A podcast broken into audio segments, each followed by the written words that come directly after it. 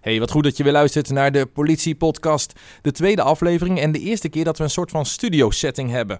En ja, dan kom je erachter dat je aan het experimenteren bent. Tweede aflevering nog maar. Een van de microfoons, mijn eigen microfoon, die klinkt net iets minder lekker dan we zouden willen. het is allemaal prima te verstaan, dus luister rustig ernaar. Uh, maar dan weet je dat volgende keer is het, als het goed is, helemaal verholpen. Veel luisterplezier met de tweede aflevering van de Politie-podcast. Rechtstreeks vanuit het politiebureau. Dit is de Politie Podcast. Aan de vooravond van de Week van de Veiligheid gaan we op jacht naar woninginbrekers. Wat kun je doen om een woninginbraak te voorkomen? En welke soms stinkende sporen laten inbrekers vaak achter? Verder kunnen we jouw tips heel goed gebruiken bij een paar dringende politiezaken. En beantwoorden we voor het eerst een vraag van jou als luisteraar in deze tweede aflevering van de Politiepodcast. Wat fijn dat je luistert. Mijn naam is Martin de Wit. En naast mij zit de vrolijkste politiewoordvoerder van Nederland, Jacqueline van Houten. Hoe gaat het? Ja, prima hoor. Ja, toch wel leuk om als de vrolijkste genoemd te worden. Ja, toch? Nou, dat, is ziet niet iedereen, denk ik. Toch? ja. Uh, voor de mensen die jou niet kennen, uh, je bent al jaren woordvoerder. Uh, vast gezicht bij programma's als Opsporing Verzocht bijvoorbeeld, Bureau Hengeveld. Maar je bent ook heel lang actief op straat geweest, hè? Ja, ik denk zo'n ruim 17 jaar. Dus, en daarna ben ik naar communicatie gegaan. Um, nu alweer 10 jaar bij communicatie als woordvoerder. En ja, een superleuke baan mooi ook om uh, dat wat ik al die jaren heb gedaan uh, te kunnen vertellen aan mensen wat de politie dus doet. Dus daar ben ik heel blij mee. En elke aflevering schuift ook een blauwe collega, een agent aan in de politiepodcast. En deze week is dat Jeffrey Halsma uit Almere. Fijn dat je er bent. Je ziet al meteen het verschil. De vrolijke en ik ben de blauwe. Na het weekend, ja. Ja, wie hè? Ja.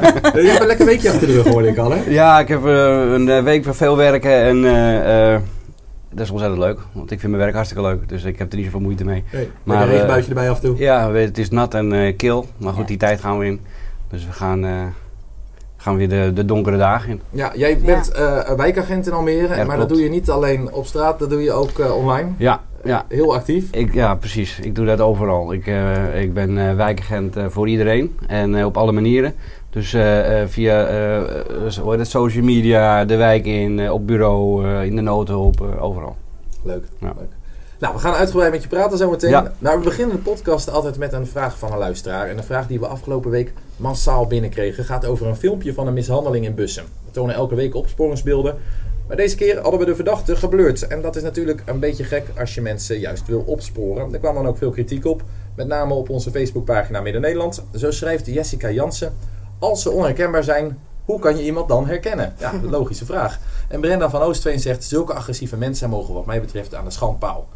Het blurren heeft natuurlijk alles te maken met de leeftijd van de verdachte. Dat staat er ook bij in het bericht. Maar blijkbaar levert het nog steeds heel veel vragen op. Jacqueline, hoe zit dat nou? Waarom laten we bij minderjarige verdachten niet gewoon hun gezicht zien? Ja, nou ja, dat heeft ook alles met privacy te maken, maar ook met het feit dat je toch minderjarigen moet beschermen hoe erg het ook is wat ze gedaan hebben, um, ja, er zit toch een opbouw in op het moment dat je zo'n uh, zo'n onderzoek start. En uh, beeldmateriaal extern gaat tonen, hè, voor uh, wat ons betreft. En ehm, dat doen we natuurlijk in samenspraak met het Openbaar Ministerie. En ja, nu is er dus voor gekozen om de jongens ook zelf op te, op te roepen dat ze zich moeten melden. En die gelegenheid krijgen ze nu. Ja, want volwassen mensen laten we meestal wel gewoon herkenbaar zien. Hè? Dan is het gezicht vol in beeld. En bij minderjarigen dan, ja, dan, dan zijn we wat voorzichtiger blijkbaar. Nou ja, dat heeft uh, ook wel weer een opbouw. Maar uh, op het moment dat een, een onderzoeker is en we hebben dus iemand die volwassen is, ja, dan, dan tonen we hem inderdaad sneller. Ehm, ja, en met minderjarigen is dat toch wel een, een afweging die je moet nemen. ondanks het feit dat het geweld wat ze hebben gebruikt echt ernstig is. Ehm, en ja, het, het, lijkt alsof ze verdienen dat ze aan de schandpaal genageld moeten worden. Ehm, ja, zo werken wij dus niet. Hè. Ze krijgen gewoon nu de gelegenheid om zichzelf te melden. Ja. Ik snap die vraag op zich wel natuurlijk. Hè? Want het is wel waar ik eh, op eh, Facebook ook vaak mee te maken krijg. Eh, ik doe ook nog een beetje bemoeien met de pagina voor Almere Stad. en wij doen ook veel getuigen oproepen. En wat je dan ook vaak krijgt is van... Ja, hoe ver gaat je privacy nou eigenlijk? Ja, Want tegenwoordig, kijk, als je gaat tanken, dan sta je zeven, da of zeven dagen in de computer bij het tankstation waar je tankt. Ja. als je uh, met een pinpas betaalt, we geven al zoveel prijs zonder dat we er eigenlijk erg mee hebben. Ja. ja. Tot, in hoeverre uh, heb je nog privacy tegenwoordig? Ja, nou, maar ik denk wel dat het te maken heeft met op het moment dat je dus iemand toont op internet zijn gezicht, dan heeft dat ook echt een inbreuk op iemand zijn persoonlijke levenssfeer. Dus het heeft zo'n impact op de omgeving waar die uh, in zit. En dat is niet afgelopen op het moment dat het beeldmateriaal er ook weer afgehaald wordt. Dus op, volwassenen maken daarin dan misschien een meer bewustere keuze dan jongeren, omdat ze nog ja, minderjarig zijn. eh, kunnen ze ook wel eens een onbezonnen daad eh, eh, verrichten. Eh, nou ja, en, en if- nu, wat er nu gebeurd is, hè, dat het beeldmateriaal wat we hebben gezien en dat er ook iemand tegen zijn hoofd geschopt wordt. Ja, dat is gewoon zeer ernstig. En we pakken die zaak ook gelijk op. Maar dan nog moeten we wel nuchter blijven nadenken en voorzichtig omgaan met, eh, met dit soort beeldmateriaal. Ik snap hem bij die minderjarigen wel, hè, want jij geeft nu wel een beetje druk, want we weten allemaal wat de gevolgen zijn. Ja. Als het wel, eh, eh, want je komt er nooit meer af. Nee, je komt er Nee, echt niet meer Als je af. Even online staat. Ja, Ja. als jij eenmaal online staat, dan, dus bij de jeugd snap ik het wel als een bepaalde pressie van, hé, hey, meld je nou, want anders eh, eh, wordt dat straks de consequentie. En eh, ja, goed, bij volwassenen, volgens mij als hij bekend is, dan wordt hij ook geblurred. Dat was in, bij die, die bij Nicky Verstappen was aangehouden. Nadat hij aangehouden was, werd hij geblurred. Ja, klopt Nou, dat- inderdaad. dat- ja. Dat denk je ook van. Dus Ja. ik snap de, ver- de verwarring snap ik wel van de. Ja, Ja, zeker, zeker. Wij, doen al, wij moeten natuurlijk overal rekening mee houden, alle regels en wetten. En, eh, En de opmerking die ik ook veel, veel zag eh, bij, die, bij die reacties onder dat filmpje, is van ja, hoezo verdachte? Want je ziet toch dat die jongens hem tegen het hoofd aanschoppen. Eh, dus da- daarmee wordt het eigenlijk al eh, genoemd alsof het dan al bewezen is. Ja. En je zou kunnen zeggen, ja, je ziet ze inderdaad schoppen. In hoeverre zijn ze dan nog verdachten? Ja, maar het blijft toch altijd lastig om dan te bepalen, eh, hè, los van het feit dat er dan getrapt wordt, welk letsel eh, nu eigenlijk bij welke trap of klap hoort. Dat moet echt onderzocht, eh, onderzo- onderzocht Ja. worden of dat, ja, hoe dat in elkaar zit. Je kan niet zomaar zeggen van nou deze klap heeft dan per definitie dat letsel opgeleverd bij die verdachte. Nee. Dat vergt onderzoek. Er moet toch een rechter tussen komen. ja, maar jij, jij kan zeggen van hé, hey, dat is die en die. Maar in hoeverre lijkt hij wel heel erg op die persoon? Ja, wel? Dus wie, ja. er moet gewoon onderzoek komen. Zo is het. Nou ja, tot zover de vraag van deze week. Eh, wil je nou als luisteraar ook graag iets weten over het werk van de politie? Wat dan ook. Eh, het mag, mag overal over gaan. Dit is je kans. Vragen stellen kan via een van onze Twitter-kanalen. politie Utrecht, politie Flevo of voor Gooi en Vecht, eh politie DGV, district Gooi en Vecht staat dat voor. En gebruik dan de hashtag politiepodcast. Dan kunnen we de vragen makkelijk weer terugvinden. Mailen mag natuurlijk ook. Dat kan naar podcast.midden-nederland.politie.nl. Laat ons dan direct even weten wat je van de podcast vindt. We zijn er nog maar net mee begonnen. Vorige week hebben, hebben jullie eh, het interview met Savanja kunnen horen. Eh, daar hebben we een boel reacties op gehad. Vandaag hebben we best wel een heel andere aankleding. We horen heel graag wat jullie daarvan vinden. Want dan weten we een beetje of we op de goede eh, koers zijn. En of we zo door moeten gaan op deze manier. Goed, tijd om eens een, een blik te werpen op de social media kanalen van de politie in Midden-Nederland. Kom straks even op jouw eigen account, Jeffrey. Ja, je zei het al, jij bent heel erg actief. Ehm, ehm, maar we gaan eerst even naar de pagina van de politie in Venendaal. Daar wordt namelijk aandacht gevraagd voor een diefstal bij een juwelier. Hoe zit dat, Jacqueline? Ja, dat is eh, 29 september geweest, rond eh, eh, tien voor half negen. Twee eh, onbekende mannen met bivakmutsen die eh, komen daar eh, de winkel binnen. En ehm, eh, uiteindelijk, eh, als ze met buiten weer vandoor gaan, eh, dan gaan ze weg op een rode scooter. En rijden weg in de richting van de tunnel Duivenwal en het Franse Gat. Ja, we zijn natuurlijk eh, op zoek naar die, eh, naar die gasten. We hebben ze nog niet gevonden, ondanks een burgernetbericht en een zoekactie. Dus ja, hopelijk kunnen mensen ons eh, wat informatie geven. Mogelijk zijn ze getuigen geweest. Eh, wat ik nog wel erover kan vertellen is dat een van hen die droeg dus een beige jas en die had een tas bij zich, vermoedelijk van de Boni. Ja. Hopelijk slaan mensen daarop aan. Ja, en de politie in Venendaal schrijft er ook boven van... staat bij u bijvoorbeeld eh, een rode scooter geparkeerd? Het kan natuurlijk zijn dat die ze ergens is, eh, is achtergelaten. Bel ons dan alstublieft. Ja. Want dan gaan we ermee aan de slag. Ja, misschien, eh, misschien ook mensen die in de buurt wonen daar die eh, camera's hebben hangen ja. en misschien Ah, ja. wel beelden hebben. Ja, dat, Ja, nou, dat zou echt pas komen. ja. Ja. Zeker. Eh, naar de pagina van de politie in Hilversum dan. Eh, daar doen ze verslag van een grote verkeerscontrole vorige week. Ja, en dat was op eh, donderdag 27 eh, september. Nou, eh, behoorlijk wat eh, collega's die hebben daar op verschillende locaties in Hilversum en Weidemeren dus eh, grote verkeerscontroles gehouden. Hebben we in samenwerking gedaan met het verkeershandhavingsteam. Dat is altijd een mooie samenwerking. En in totaal hebben we 50 processen verbaal geschreven. eh, voor allerlei eh, verkeersovertredingen. En die verkeerscontroles die zijn dus echt op verzoek geweest van bewoners uit de wijk. Die dus eh, aangaven dat ze daar wel last van Ja. hadden. Aso, Ja. asociaal rijgedrag misschien of te hard rijden. Dat soort, dat soort, da- dat soort dingen. Moet ik Ja. denken? Ja, dat soort zaken. Dus daar hebben we controles op gedaan. Dus, nou ja, het is mooi dat je dus op die manier aansluit wat, wat de mensen dus willen. Ja. Volgens mij is dat bij jou toch ook wel, of niet? Ja. eh? Ja, onlangs nog eh eh, was een aanrijding geweest op een fietspad tussen een brommer en een auto. Het viel mij al op dat er al een paar keer een aanrijding geweest was. Dus ik ging daar eens kijken van hoe ziet die situ- situatie er nou precies uit. Ik werd al gelijk door mensen in de straat aangesproken. Nou, het is goed dat je er bent, wijkagent, want dit is het probleem. En we lopen er al jaren tegenaan. Dus toen heb ik het dus op social media gedeeld. Van, hey, wat zijn nou eigenlijk de, de, de vreselijke punten in de wijk? Waar voel je je nou niet veilig? Nou, daar kwam die dus eh, met stip in- inderdaad eh, uit. Eh, nu is het, het resultaat dat, Onze verkeersspecialist heeft ernaar gekeken. Die heeft de hele eh, kruising geanalyseerd. En nou, daar zaten wel wat verbeterpuntjes in. En dat hele rapport dat ligt nu bij de gemeente, bij de verkeersspecialist, om dat te gaan kijken of ze dat gaan aanpakken. Ja, super. Dus het, het werkt Dat echt. mooi. Ja, nee, maar weet je, wij zijn er natuurlijk ook om die zaken.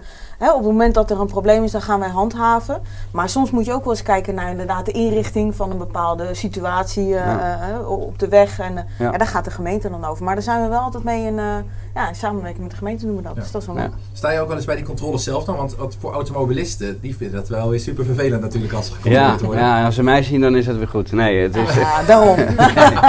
Wel. Ja, ik, ik sluit wel eens aan, ja. En Ja. vooral als we, eh, bijvoorbeeld hier was ook het verkeershandhavingsteam bij je uitgenodigd, geloof ik. Dus dan wordt het wat groter neergezet. Eh, nou, eh, je spreekt veel mensen uit je wijk als je daar staat. Dus ik, ga, ik sluit wel eens aan, ja. Ja, ja, heel goed.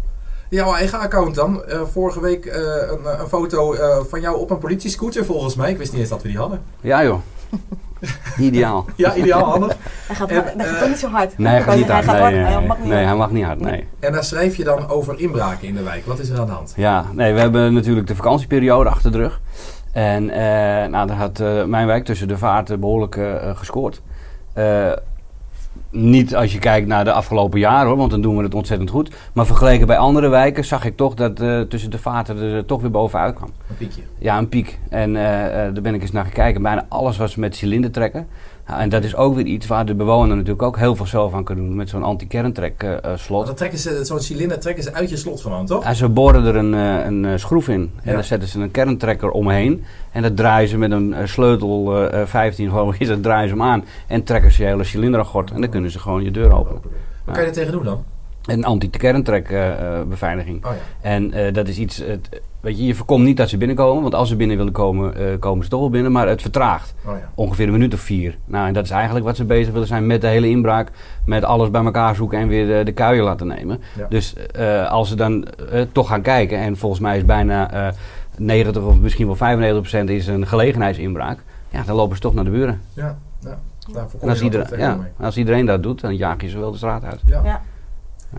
Ook eh, in Amersfoort eh, eh, slaan ze toe blijkbaar. De politie Amersfoort schrijft er uitgebreid over. Wat, wat hebben ze te melden daar, Jacqueline? Ja, ook daar is sprake van dat cilinder trekken. Ja, afgelopen week hebben we daar twaalf woninginbraken gehad. Met name in Vathorst. Eh, vier daarvan waren een eh, poging. Maar ja, dan, eh, dan, dan, ben je toch wel een loop je risico. Ehm, nou, in ieder geval eh, eh, hebben ze ook nog een paar keer een raam opengebroken. En we hopen eigenlijk dat we daar wat mensen vinden die daar wat van gezien hebben. Want ja, getuigen kunnen we altijd wel goed gebruiken. Ja. En ook hier weer hè, maak ik die opmerking, camera en beeld. Ik denk dat we daar nog veel te weinig mee doen. Ja. Ik, ik ben eh, intussen de vaarten toen gestart met het buurtonderzoek 2.0. Want Mhm. voorheen ging de politie aan de deur bij de buren. U wat gezien, heeft wat gehoord? En dan gingen we naar de overkant. Die hebben ook zicht op de woning. Heeft u wat gezien, wat gehoord? Eh, maar ik ga de straat door en ik ga kijken waar hangen camera's. En eh, dat wordt tegenwoordig geregistreerd bij camera en beeld. Ja. En dan kan je heel mooi zien van nou, hè, een eh, logische eh, vluchtroute zou die eh, kant op zijn. Nou, dan ga ik eens bij die mensen langs, kijk eens naar je beelden. En aan de hand van dat kom je toch aan, aan eh, misschien de, de vluchtroute, maar ook misschien wel een vluchtauto. Of, eh, Ja, Weet je, en eh, Ja, dus ja, ik heb heel veel eh, eh, doelgroepen eh inbrekers in mijn wijk wonen. Mhm. En ik herken ze aan de manier waarop eh, ze gehurkt zitten, bij wijze van spreken. Dus eh, die Je kent beelden zijn, ja, dus die Ja. beelden zijn echt wel welkom. Ja, heel veel mensen twijfelen nog, hè. Mhm. Die denken nog van, mag ik wel op de openbare weg filmen? En is het, hè, we hebben het dan Ja. weer over de privacy. Ja. Maar volgens mij, eh, als jij eh, gewoon eh, voor je deur filmt en je filmt een stukje straat. Kijk, als je de tuin van de buren filmt, dan wordt het een ander verhaal. Ja, maar dan, dan bel jij van en dan zeg je: hé, hey, ik heb hier mijn camera hangen. Eh, jouw tuin staat erop, vind je dat erg? Zegt hij ja, nou dan blur je het. Dan hebben we het erover blurren. Ja. Maar heeft hij er geen bezwaar tegen? Nou, laat lekker staan. En eh, wij gebruiken die beelden. En eh, wel even een stickertje, aankondigen dat je camera's hebt. Want Oh, dan ja. is het niet onaangekondigd op de openbare weg filmen. Ja, zo ja. Ja, dus heel veel mensen zijn nog een beetje, die hebben nog een beetje drempelvrees. van, Ja, ik film op de weg. En, eh, maar weet je, wij, eh, wij- als je wel boeven willen vangen, dan moet je... Dan komen en- die beelden wel heel goed van pas altijd. Ja, ja, en als jij ze ziet, dan zien de boeven ze natuurlijk ook, eh, Ja. die beelden. Dus eh, Ja. dat zou natuurlijk ook wel weer een mooie preventiemaatregel zijn. Ja, zeker. Ja, dus ik ben echt, eh, dus de camera en beeld moeten we echt veel meer mee doen. Heel goed. Over woninginbraken gesproken dan. Eh, weinig vervelender natuurlijk dan mensen die je huis openbreken en aan je spullen komen. Flevoland heeft eh, daarom een woninginbrakenteam, zodat de mensen die dat toch doen ook gepakt worden. Bijvoorbeeld door, eh, door die camera's waar je net over vertelt. En hoe belangrijk het is dat je aangifte doet, merkte ik toen ik met regisseur Tess Oosthaven op pad ging. Want het oplossen van een woninginbraak zit hem soms in zoiets simpels als het doorgeven van het serienummer van je tv. Luister maar even mee. ik ga even eh, mijn bevindingen, want ik heb van de week al even de camerabeelden bekeken, kort, om te kijken of die goed op beeld staat. Uh, dit is dus de heler die uh, levert de gestolen spullen in bij een opkoper. En daar heb ik dus hele mooie beelden van gekregen. Dan zoek ik eventjes um, in het systeem, in BVH, daar werken wij mee. Zoek ik even mijn bevindingen op waarin ik beschrijf wat ik zie op de beelden. En dan gaan we de beelden er even bij pakken om te kijken wat er allemaal op staat. Want ik heb hem nog niet afgekeken. En dit zijn dus beelden van iemand die spullen komt brengen bij een opkoper. En die ze eigenlijk komt verkopen dus. Ja, en die, nou, in dit geval is het dus een tv, komt die inleveren. Um, en die tv is dus gestolen. Die is weggenomen bij een inbraak uh, ja, waarvan ik zeker weet dat die daar weggenomen is. Want ik heb meteen de aangever gebeld. Ik zeg, nou, ik heb wel leuk nieuws voor u. Dat is altijd het leukste om te doen natuurlijk. En ik heb verteld van, nou we hebben een tv teruggevonden van u waarschijnlijk. Kunt u even komen om te, om te herkennen natuurlijk. Nou, en die is gekomen en die zei van, ja, dit is mijn tv. Mag ik hem meenemen? Dus ik zei al, nou, ik moet eerst de officier even bellen of ik hem terug mag geven. Dus dat ga ik vandaag doen. Hoe kwam je erachter dat die persoon dat kwam inleveren trouwens? Nou, ik werd uh, vorige week gebeld door een persoon die zich bezighoudt met uh, alle opkopers in heel Flevoland. En hij kijkt dan, zit er een bepaald verband tussen um, een bepaald persoon, bijvoorbeeld een jongen van 20 jaar, die komt uh, 20 spullen inleveren door heel het district. En dat is best opvallend natuurlijk. En als je dan kijkt naar die persoon. Misschien... Want een opkoper is zo'n bedrijf hè, die dan spullen inneemt en daar geld voor teruggeeft. Ja, dat houdt eigenlijk in. Een um, persoon die komt daar met spullen. Um, de opkoper kijkt, werkt het? Um, ja, is het niet opvallend, geen schade of iets? Uh, als het allemaal werkt, dan krijgt die persoon die het inlevert, krijgt daar dan geld voor. En een opkoper gaat dat dan vermelden in het opkopersregister van dit is ingeleverd, dit zijn de serienummers. Nou, en daardoor kan de politie dus kijken, hey, zijn er ergens gestolen spullen ingeleverd? Ja. En dat bleek in dit geval zo te zijn, hè? Ja, uh, er was één persoon en die had uh, iets van twintig goederen ingeleverd, waaronder sieraden, uh, camera's, tv's, laptops. Eén persoon had het dus ingeleverd, dus dat is best wel opvallend. Um, en al die spullen zijn afkomstig van twee en A3 inbraken. En daar gaan wij ons dan bezig mee houden. Wat is er weggenomen? En ja, hoe komt die persoon aan die spullen natuurlijk? Ja, want je zou kunnen zeggen van nou, de zaak rond. Hè? Je hebt een, een man met die spullen en die zijn weggehaald ergens. Dan kun je hem toch gewoon aanhouden? Ja, zeker. Ja, ik kan hem uh, nu aanhouden voor heling. Maar uh, ik ben van het woninginbraakteam, dus ik wil natuurlijk een woninginbraak oplossen. Um, en dat vertel ik dan ook tegen de officier. Hè. Ik bel de officier van, uh, nou, ik heb, dit is de casus. Ik wil graag uh, hier wat mee gaan doen. Nou, de officier zegt dan, nou, je hebt toestemming, ga me aanhouden. Ik zeg, nou nee, ik wil hem eerst in de woning gaan krijgen. Want ja, hoe komt hij anders aan die spullen? Of krijgt hij die spullen misschien van iemand die daar is geweest? Ja, dus uh, nou, dan krijg ik toestemming om bepaalde opsporingsbevoegdheden toe te passen. Um, en in, ja. in de woning krijgen is dat je eigenlijk wil bewijzen dat hij op dat moment in het huis is geweest waar uh, spullen gestolen zijn. Ja, dat klopt inderdaad. Dus dat hij degene is die die spullen daar weggenomen heeft en ook degene is die het inlevert. Ja. Waar uh, gaan we nu naartoe? We gaan naar een uh, aparte computer om camerabeelden te bekijken. Want op onze werkcomputers is het allemaal zo beveiligd dat we een USB-stick daar niet zo makkelijk in kunnen treffen. Dus we gaan nu camerabeelden kijken op een mediacomputer. En dat is hier. We hebben ook een uh, beveiligde USB-stick. Moet ik even altijd de code ingeven. Zodat als een keer verloren raakt, dat niemand erin kan. Er staat een hoop camera materiaal op aan ons. Nou, we zien een balie bij een winkel met een meneer achter de balie. Ja, dit is dus uh, de opkoper. Um, hier zie je deze persoon, die heb ik ook getroffen toen ik uh, daar aankwam. Dus ik heb hem kort wat vragen gesteld wat hij nog kon vertellen tegen mij over de persoon die zo meteen binnenkomt. Um, wat leuk aan dit is, is dat er ook geluid bij zit. Uh, dat hebben we vaak niet.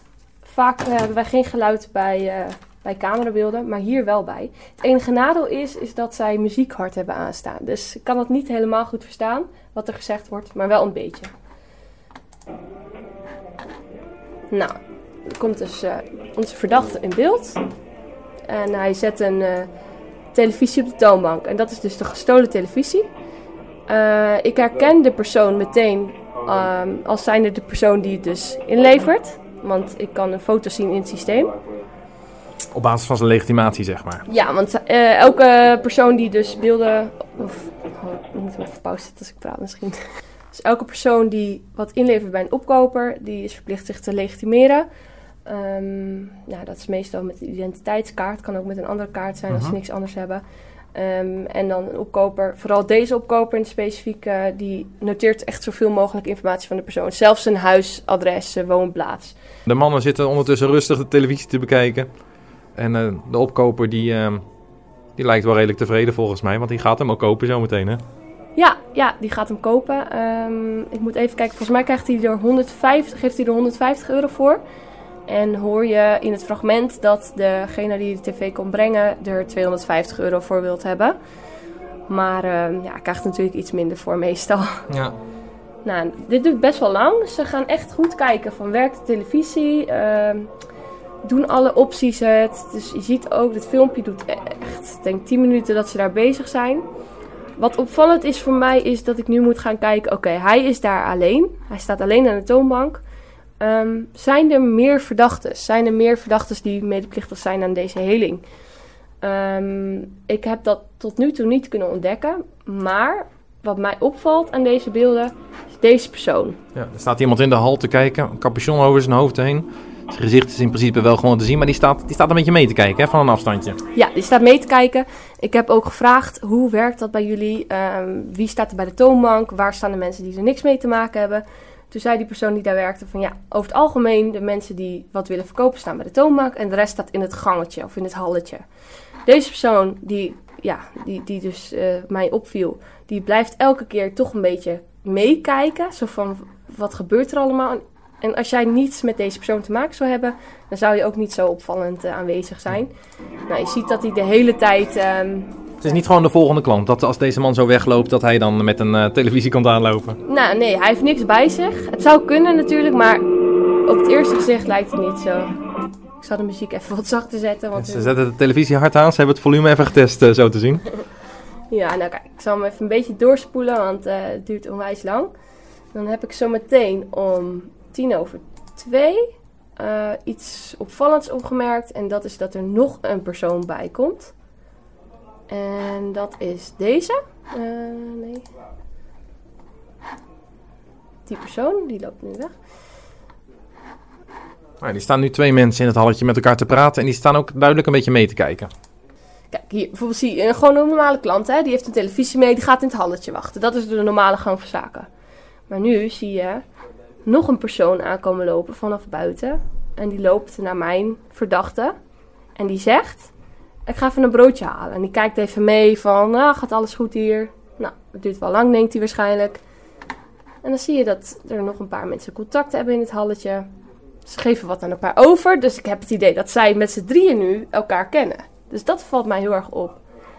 Dus als ik het nu zo goed bekijk, alle drie de personen die ik nu op de camerabeelden zie, dus onder andere mijn verdachte, maar nog twee anderen, lijken hier wat mee te maken te hebben. Maar van de andere twee personen weet je die identiteit niet. Nee, ehm, en ik weet ook niet zo goed, kijk, kan ik hun nu verdenken van heling? Ze staan een beetje op de gang mee te kijken. Dus ik moet hier wel echt een heel goed PV van maken om te zeggen van zij zijn ook verdachten. Wat ik kan doen is ehm, deze beelden rondsturen naar de collega's. Om te vragen van jongens, wie zijn deze gasten op de beelden? En dan gaan kijken of ik met de officieren ja, nog een leuke opsporing kan doen op hun. Ehm, ja, eh, dat is dan het enige wat ik kan doen met hun. Eh, ik heb de beelden zelf nog niet verder gekeken, maar je ziet hier dat hij er constant bij blijft staan. En we zien nu op dat, op dat beeld ook dat hij de, de nummers dan, de, de, de serienummers gaat eh, opslaan. Hè? En die komen in dat register terecht. Maar als de slachtoffers van die inbraak nou geen aangifte hadden gedaan, dan waren we hier eigenlijk nooit achter gekomen. Dan had jij hier nu niet gezeten om die zaak aan te pakken. Nee, dat klopt inderdaad. Dus daarom moeten wij altijd in de aangifte zorgen dat de mensen heel goed alle nummers vermelden. Eh, daar zijn we ook altijd heel erg aan het sturen van... eh, jongens, eh, zorg dat die nummers snel in het systeem komen. Zorg dat het op gestolen staat, zodat wij er wat mee kunnen. En dat gaat soms wel eens mis, want mensen vinden het lastig om hun serienummers terug te vinden... of hun e-mailnummer, dat is een speciaal specifiek nummer van je telefoon. Dus daarom is ons advies altijd aan de mensen... hou een soort van boekje, een tijdschriftje bij of iets, maakt niet uit wat... waarin je alle serienummers, e-mailnummers... Ehm, alle nummers die je maar van een nieuw product hebt, bonnetjes natuurlijk, dat is helemaal mooi voor de verzekering ook. eh, hou dat bij. Want als jij dan een keer een inbraak hebt, Dan kan jij mooi, hier, dit zijn al nummers, ga maar aan de slag. En dan hebben wij heel snel kans op dat die spullen eh, nog snel getraceerd kunnen worden. Ja. Voordat ze verkocht zijn, hè? want dat gebeurt ook nog wel eens. Dus Want op deze manier lopen, lopen de jongens gewoon tegen de lamp. Dus dankzij die nummers. dankzij die nummers, ja, deze mensen hebben heel snel eh, alles vermeld in de aangifte. Ze hadden tv net nieuw gekocht. Eh, dus ze hadden de bon, de doos, ze hadden alles nog. Dus eh, dan gaat het heel snel. Ja, Je maakt van alles eh, mee hè, als je zo woninginbraken eh, onderzoekt. Geen dag is hetzelfde, kan ik me voorstellen. Wat zijn nou momenten die echt indruk op je hebben gemaakt? Ehm, nou, over het algemeen, als we het over woninginbraken hebben, dan heeft het veel indruk op mij gemaakt als ik bij een woning kom waar alles ondergesmeerd is met olies, sauzen, poeders. Dus dat betekent gewoon, die gasten die hebben daar dus ingebroken en die hebben daar gewoon een groot feestje van gemaakt. En ze hebben alles ondergesmeerd. Banken ondergegooid met frituurvet. tv's ondergegooid. Nou, dat vind ik zo erg. Dat, daar kan ik niet bij met mijn gedachten. En dan denk ik echt van, jongens, jongens, jongens. Ik heb er foto's van, ik zal het jullie laten zien. Het is echt heftig gewoon om, eh, om dat mee te maken. Want ja, weet je, die mensen hebben al heel erg veel last van dat er is ingebroken. Want is iemand in je huis gekomen. Hoe erg moet, moet je het hebben? En dan zijn al je spullen die er nog zijn, die zijn gewoon ondergegooid. Al je kostbare, dier, eh, dierbare spullen, die zijn gewoon vernield. Hier zie je bijvoorbeeld eh, een scooter met vogelzaad en eh, sauzen. Ondergesmeerd. Muren met ketchup. Een schilderij die helemaal onder, onder de ketchup of zo zit, inderdaad. Ja, eh, tv's. Onbruikbaar gemaakt met wat dan ook. En dan denk je, waarom doen ze het? Het kan zijn dat ze er heel in hebben. Ze kun, het kan zijn dat ze een soort van iets achter willen laten als groep zijnde. Nou, dit, dit soort dingen, dat is altijd wel vervelend voor de mensen. Hoe zijn bewoners daar dan onder? Wat heb je daarbij gezien hoe, hoe bewoners reageren als er bij hen ingebroken is?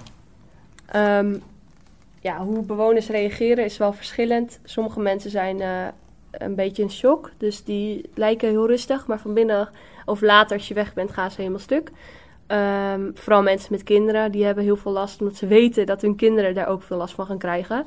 Of oudere mensen. Ja, die zijn ook altijd wel ondaan. Ehm, maar ja, door ze gewoon de hulp te bieden die er is. We hebben slachtofferhulp. We hebben eh, schade. Dat ze hun schade terugkrijgen van de verzekering. Verzekering werkt altijd goed mee met woninginbraken, gelukkig. Tenzij je natuurlijk helemaal geen bonnetje of zo hebt. Dat is altijd heel vervelend. Ehm, ja, we proberen gewoon mensen zo goed mogelijk daarbij te helpen. Even Maar het blijft een, eh, een drama als je dit overkomt. ja, zeker. Dus eh, we hopen dat het gewoon altijd eh, beperkt blijft bij spullen. maar ja, dat, je ziet dat ze alles overhoop trekken. Ja. Maar des te mooier dat wij als woninginbraakteam daar wel veel mee kunnen. Om ze zo op te sporen en woninginbraken op te lossen. Dat voelt al goed om te doen natuurlijk. Om de mensen daarbij te helpen en het wat minder erg te maken. Ja, hoe, gaat dat als je mensen da- eh, goed nieuws daarover vertelt? Wat doet dat met mensen als de, de verantwoordelijken zijn gepakt? Eh, nou, gisteren heb ik bijvoorbeeld nog gebeld naar eh, die mevrouw die tv, hè, wat, waar we van de beelden hebben gezien. Eh, ik bel daar op en ze was zo blij. Het is gewoon een tv, hè, maar ze was zo ontzettend blij en helemaal lyrisch. En elke keer, oh mevrouw, bedankt, bedankt. En ik denk, ja, weet je, ik heb niet veel gedaan. Ik heb hem opgehaald en wel onderzoek gedaan. Maar ja, je hebt het geluk dat iemand hem heeft ingeleverd. Nou, en dan zijn ze zo blij en dat voelt zo goed. Hè? En dan kan je er dan echt even opteren. Dat je dan denkt, ja, dat, daar doe je het voor natuurlijk. Ja. Regisseur Tess Oosthaven was dat. Dat is trouwens niet haar echte naam. Voor sommige politiemensen is dat namelijk niet altijd zo handig als je naam gaat rondzweven.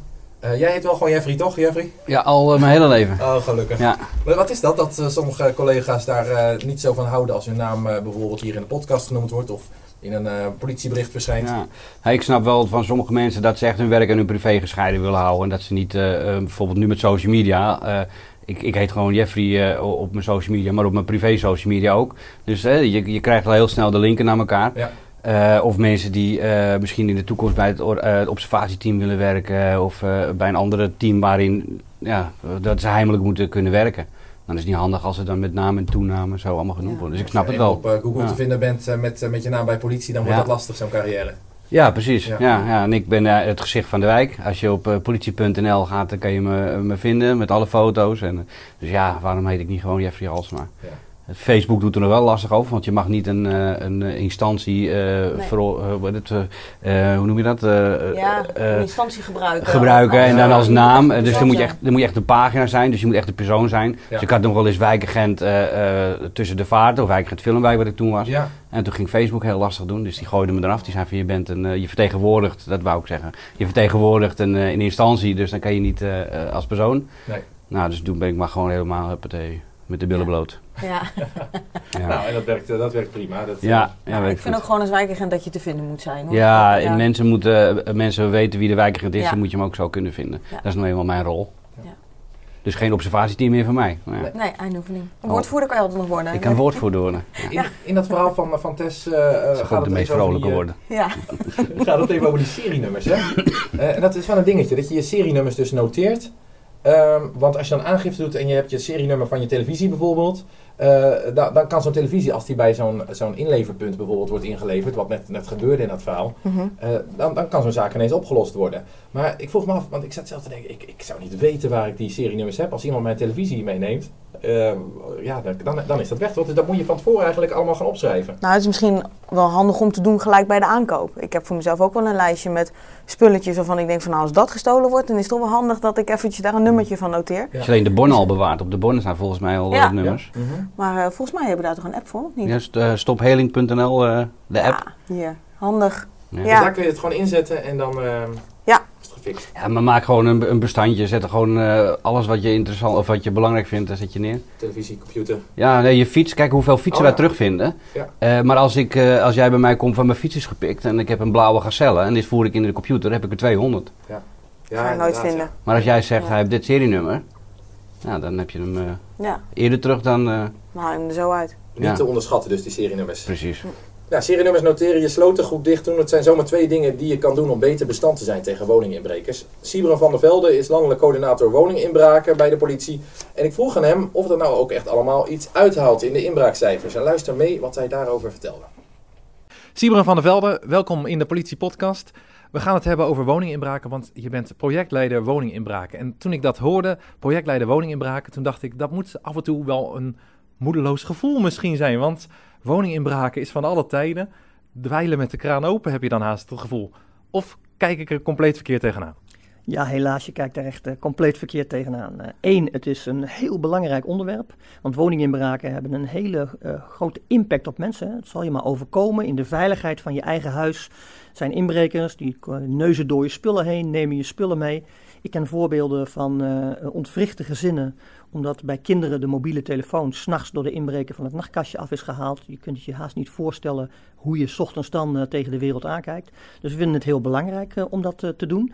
En we hebben ook heel veel succes. Dus het is helemaal niet ontmoedigend. Het moedigt juist heel erg aan. Want vijf jaar geleden zijn we met de projectmatige aanpak begonnen.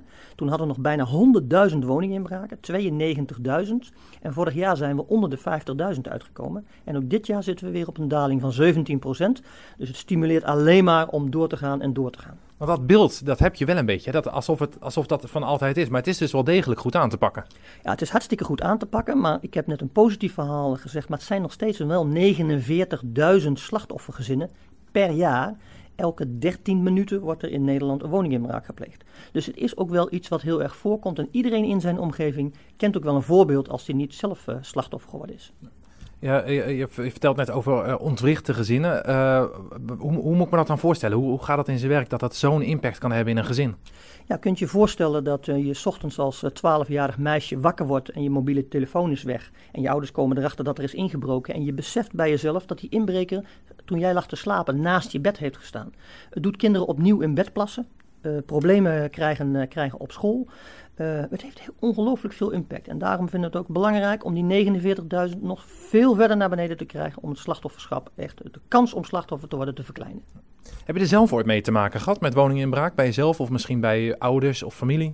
Nee, ik, uh, heb er nog nooit, uh, ik ben er nog nooit mee in, in aanraking geweest. Uh, maar door mijn vak, wat ik nu al 3,5 jaar doe als landelijk projectleider, heb ik heel veel voorbeelden. En spreek ik ook echt met mensen die dit overkomen is.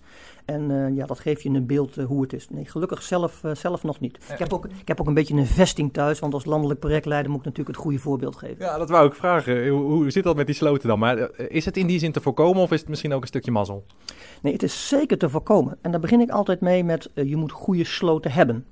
Dat, uh, dat, uh, dat zeggen wij altijd. Hè. Goede sloten op je huis, dan slaat de inbreker slaat je huis over. Maar als je goede sloten hebt, moet je ze ook vooral gebruiken. Wat wij zien is dat 15% van de inbraken in woningen, de diefstallen uit woningen, nog steeds gebeurt omdat een deur gewoon niet op slot zit. Mensen boven even aan het strijken zijn of even de hond aan het uitlaten zijn en met het flipperen, met een kaartje tussen de deur, de inbrekers zo binnen zijn. En als je dat op 50.000 woninginbraken zet, zijn dat er zo'n 8.000. Dus 8.000 van die diefstallen uit woning, die kunnen voorkomen worden door de mensen zelf, door de deur op slot te doen. Zo eenvoudig kan het zijn. Zo eenvoudig kan het zijn, inderdaad. En als je, en als je dan uh, daarnaast ook nog uh, ervoor zorgt dat je huis zodanig beveiligd is het liefst volgens het, uh, het keurmerk Veilig Wonen van de politie. Dat is een keurmerk waarbij je de beste sloten hang- en sluitwerk hebt. dan vermindert de kans om slachtoffer te worden met 50%. Dus mensen kunnen heel veel zelf doen. Um, goede sloten, zorgen dat die sloten dan ook dicht zijn. Um, zijn er meer tips waar, waar mensen iets mee kunnen uh, om te voorkomen dat je slachtoffer wordt? Jazeker, ik heb er al twee genoemd net. Hè, dus goede sloten en inderdaad uh, afsluiten. Maar er zijn ook inbrekers die, die naar boven klimmen. soms als aapjes tot aan het, het dakraam. Dus doe alles waar als je weggaat, doe alles dicht. Ook je ramen op de eerste verdieping, op de tweede verdieping. Je kan er bijvoorbeeld voor zorgen dat uh, kliko's zoveel mogelijk niet tegen je huis aanstaan, zodat ze niet, uh, niet kunnen, kunnen inklimmen, opklimmen. En wat ook heel erg helpt, en we zijn ervan overtuigd dat de daling van de laatste jaren ook te maken heeft met het opzetten van buurtpreventiegroepen, WhatsApp-groepen onder andere, maar ook fysiek. Maar die WhatsApp-groep, als je die opricht in je wijk en je laat zien in de wijk met stickers en een bord dat er, uh, dat er gelet wordt uh, op, uh, op woninginbraken, dat we op elkaar letten, dan vermindert dat ook de kans met 50% om slachtoffer te worden. Maakt het nou ook, ook uit waar je woont, in hoeverre je risico loopt? Want is, is het over heel, het komt in heel Nederland voor natuurlijk, maar zijn er plekken waar het veel meer voorkomt of waar, waar het nauwelijks voorkomt bijvoorbeeld? Ja, in de grote steden hebben we natuurlijk de bulk aan uh, woninginbraken. Dat wordt, die worden vaak gepleegd door de plaatselijke daders. Hè. Dus de daders die zelf in de wijk wonen. Dan heb je eigenlijk twee categorieën. Dat zijn de drugsverslaafde mensen die geld nodig hebben om in hun drugsverslaving te voorzien. En vaak jongeren die in hun eigen buurt inbreken tot aan de buurman toe. Over de schutting heen, inbreken, over de schutting weer terug. In het landelijk gebied zien we veel meer de mobiele daders. Dus de daders die vanuit andere plekken in Nederland komen, die naar landelijk gebied zoals uh, Groningen, Friesland, Zeeland, uh, Gelderland uh, reizen en daar gaan inbreken. Omdat we daar ook nog vaak zien dat mensen ja, niet vaak geconfronteerd worden met woninginbraken, de deur open laten staan. omdat ze de, het vertrouwen nog hebben. En dat weten die daders en die gaan dan het land in om zo in te breken. Ik kan me ook voorstellen dat het vaak mensen van over de grens zijn. Uh, dat wordt ook nog wel eens uh, dat, als, als een machteloos gevoel ervaren van ja, het zullen wel mensen zijn uit Oost-Europa bijvoorbeeld. En uh, die zijn dan weer weg, die trekken weer door en daar zie je nooit meer wat van terug. Is daar wat aan te doen? Is daar grip op? En, klopt dat beeld überhaupt? Ja, dat klopt. Daar hebben we de, de laatste jaren hebben we daar echt meer en meer mee te maken. Het is even de vraag of we het eerst niet wisten, het toch gebeurde. Hè? Maar omdat we er aandacht voor hebben, zien we dat er, uh, als er daders aangehouden worden, dat dat steeds meer ook daders zijn uh, van, van buiten Nederland. En dat is niet alleen Oost-Europa. Er zijn zelfs voorbeelden van Chileense bendes die via Spanje invliegen en zo heel Europa doorreizen om woninginbraken te, plegen, te, te plegen. Het is georganiseerde criminaliteit waar ook nog iets van mensenhandel in zit, dus de uitbuiting van, van mensen in zit. Nou, dat, dat pakken wij aan door vooral informatie, zoveel mogelijk informatie te verzamelen. Dat doen we binnen Nederland. Uh, maar ook informatie van buiten. Dat leggen we bij elkaar. Daardoor ontstaan verbanden. En uh, uh, draaien we ook strafrechtelijke onderzoeken. Dus onderzoeken naar dat soort dadergroepen in binnen. En ook met de buitenlandse collega's. Ja. Zo'n zo'n zo'n groep die dan bijvoorbeeld naar Nederland komt om, om toe te slaan. Hoe moet ik me dat voorstellen? Hoe, hoe ziet hun werkwijze er dan uit? Ja, ze komen echt in georganiseerd verband komen ze hierheen. Je hebt vaak uh, uh, mensen die het faciliteren, hè? dus mensen die hier een woning ter beschikking stellen of die een auto ter beschikking stellen.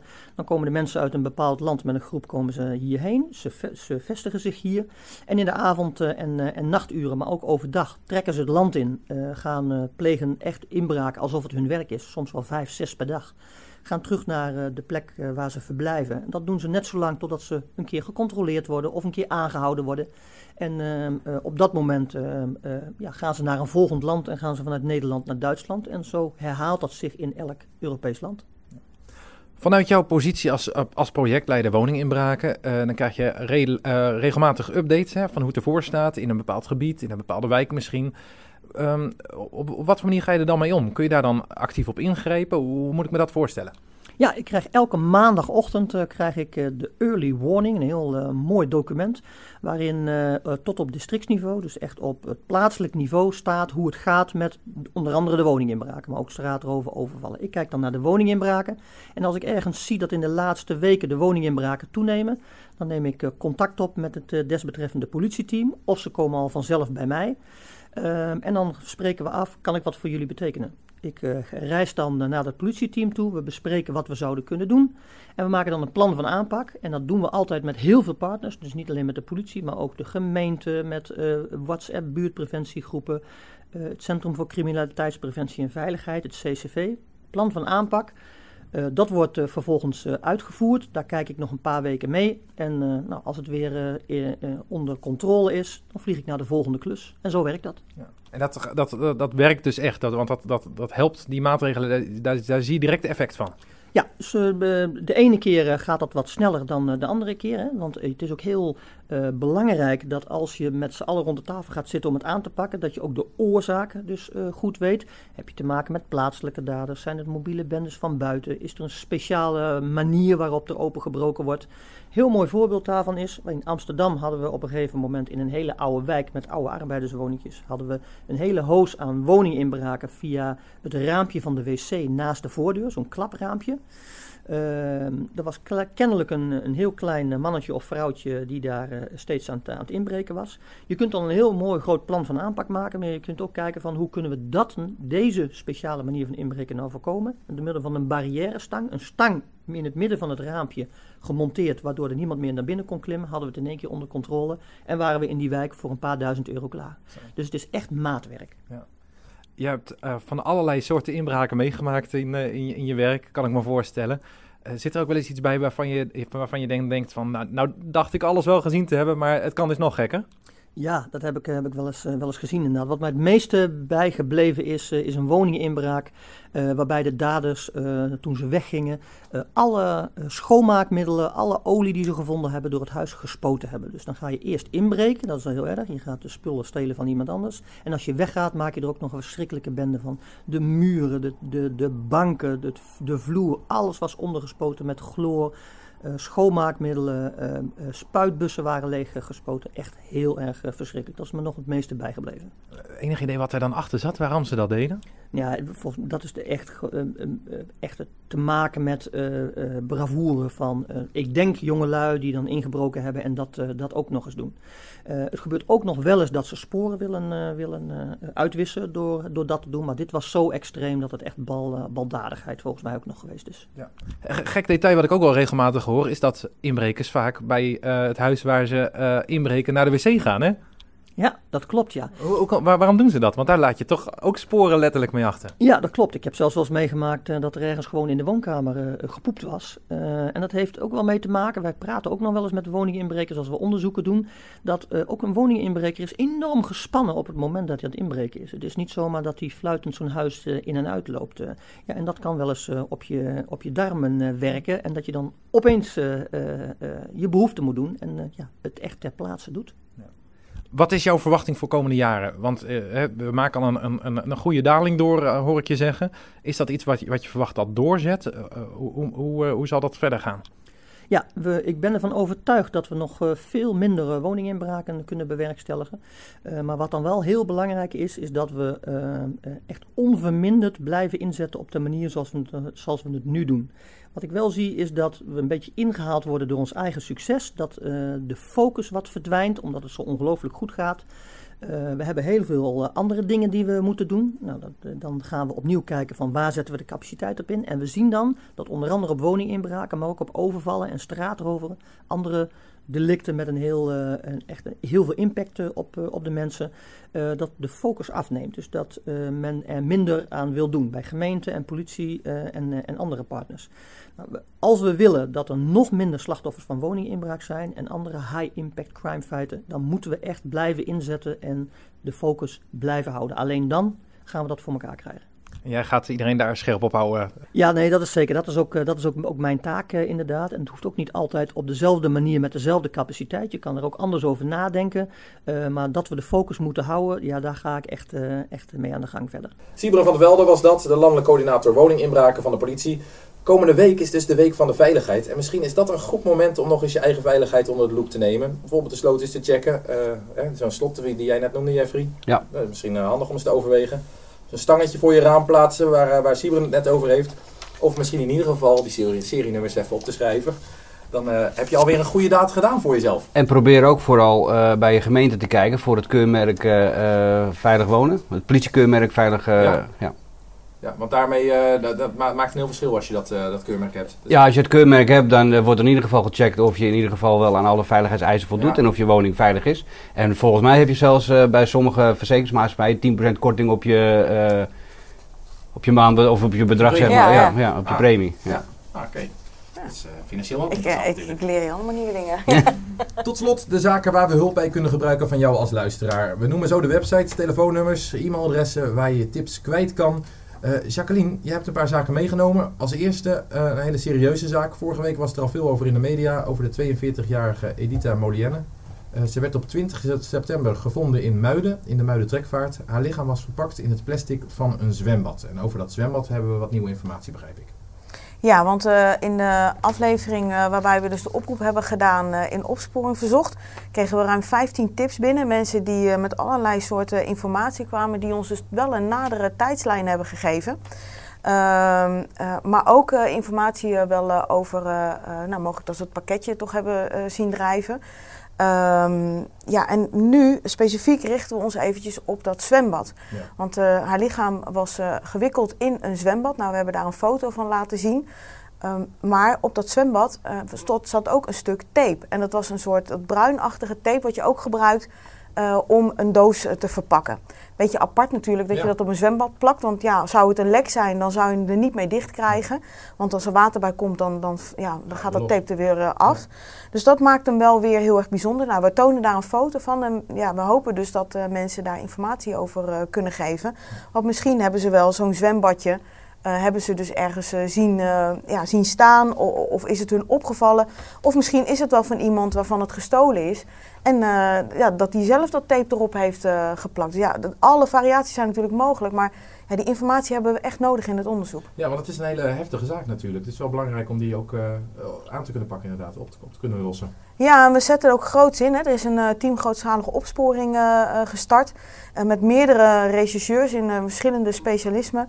En ja, we zijn ja, echt op zoek naar informatie om die tijdslijn duidelijk te krijgen. Want wanneer is ze dan precies om het leven gekomen? Um, ja, en wie heeft haar in het water achtergelaten? En, ja, en nog belangrijker, wie heeft haar in dat zwembad gewikkeld? Ja. Nou, dat zijn allemaal vragen waar we antwoord op willen. En waar de kijker, ja, waar de mensen dus ons mee kunnen helpen. Ja. Dan een beroving in Amersfoort aan de Bever, vlakbij winkelcentrum Nieuwland. Uh, worden op 18 september vlak na elkaar twee jongens beroofd. Hoe ging dat nou in zijn werk? Nou, een, een jongen stond met wat vrienden bij, een, bij het skateparkje vlakbij het winkelcentrum Nieuwland. Uh, dan wordt hij vervolgens door uh, twee jongens aangesproken en moest even meekomen. Nou, dat doet hij dan ook.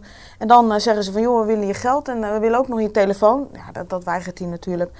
maar dat was ook het moment dat hij gelijk een keiharde vuistslag krijgt in zijn gezicht. Nou, hij raakt daarbij dus ook zijn telefoon kwijt. Die nemen ze mee. En dan ziet hij op het moment dat hij weer even bijkomt, want hij is ook zelfs nog even, even uit, oud geweest. Um, ja, dan ziet hij dus dat, ze, eh, dat die jongen zich nu richt op een ander slachtoffer. Dus nog een straatroof op diezelfde plek. Twee achter elkaar. Ja, twee achter elkaar. En eh, ja, die andere jongen, die krijgt dus ook klappen. Komt ook ten val. En ook van hem wordt zijn telefoon afgepakt. Dus eh, wel een heftige beroving. Kun je iets zeggen over hoe deze twee verdachten eruit zien? Twee jongens dus, ongeveer 17 à 18 jaar oud. De, eentje, de ene was 1,75 meter en de ander 1,90 meter. Dus die was beduidend langer dan de andere. Eh, nou, die van 1,75 meter die had een normaal postuur met een stoppelbaardje. En eh ja, dat donkergrijze eh, of zwarte sweater aan met een capuchon. En die, die tweede verdachte, ehm, nou, die, had, eh, ja, die was slank, had kort zwart haar en die had een zware stem. En dat was wel opvallend aan, aan, aan die persoon.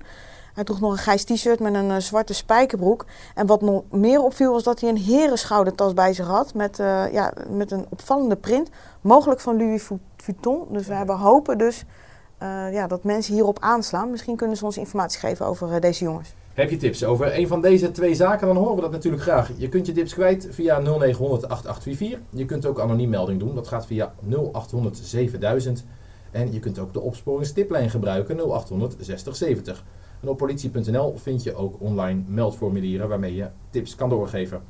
En daarmee komen we aan het einde van de politiepodcast. Jacqueline, dankjewel voor je komst. Ja, graag gedaan. Fijn dat je er was. En Je- eh, Jeffrey, ook goed dat je er was. En veel succes weer in eh, Almere. Hartstikke bedankt. Blijf me volgen. Ik hoop, ja, ik hoop dat het wel beter weer voor je wordt. Hè? Dat het, eh, Nou, maakt niet uit. Ik ook. Ja, je kan alles hebben. Ik kan alles hebben. Heel goed. En jullie als luisteraars, bedankt voor het luisteren. Vergeet niet dat je ons kan bestoken met al je vragen. Wie weet behandelen we jouw vragen volgende week. En dat kan via Twitter. Gebruik dan de hashtag politiepodcast. En je mag ons ook mailen. Dat kan naar podcast.midden-nederland.politie.nl En laat ons dus vooral ook weten wat je van de podcast vindt. Of je nog iets mist, wat dan ook. We zitten nog maar in aflevering 2, dus we zijn nog volop in ontwikkeling. We kunnen nog alle kanten op. We horen het heel erg graag. Voor nu, bedankt voor het luisteren en graag tot volgende week.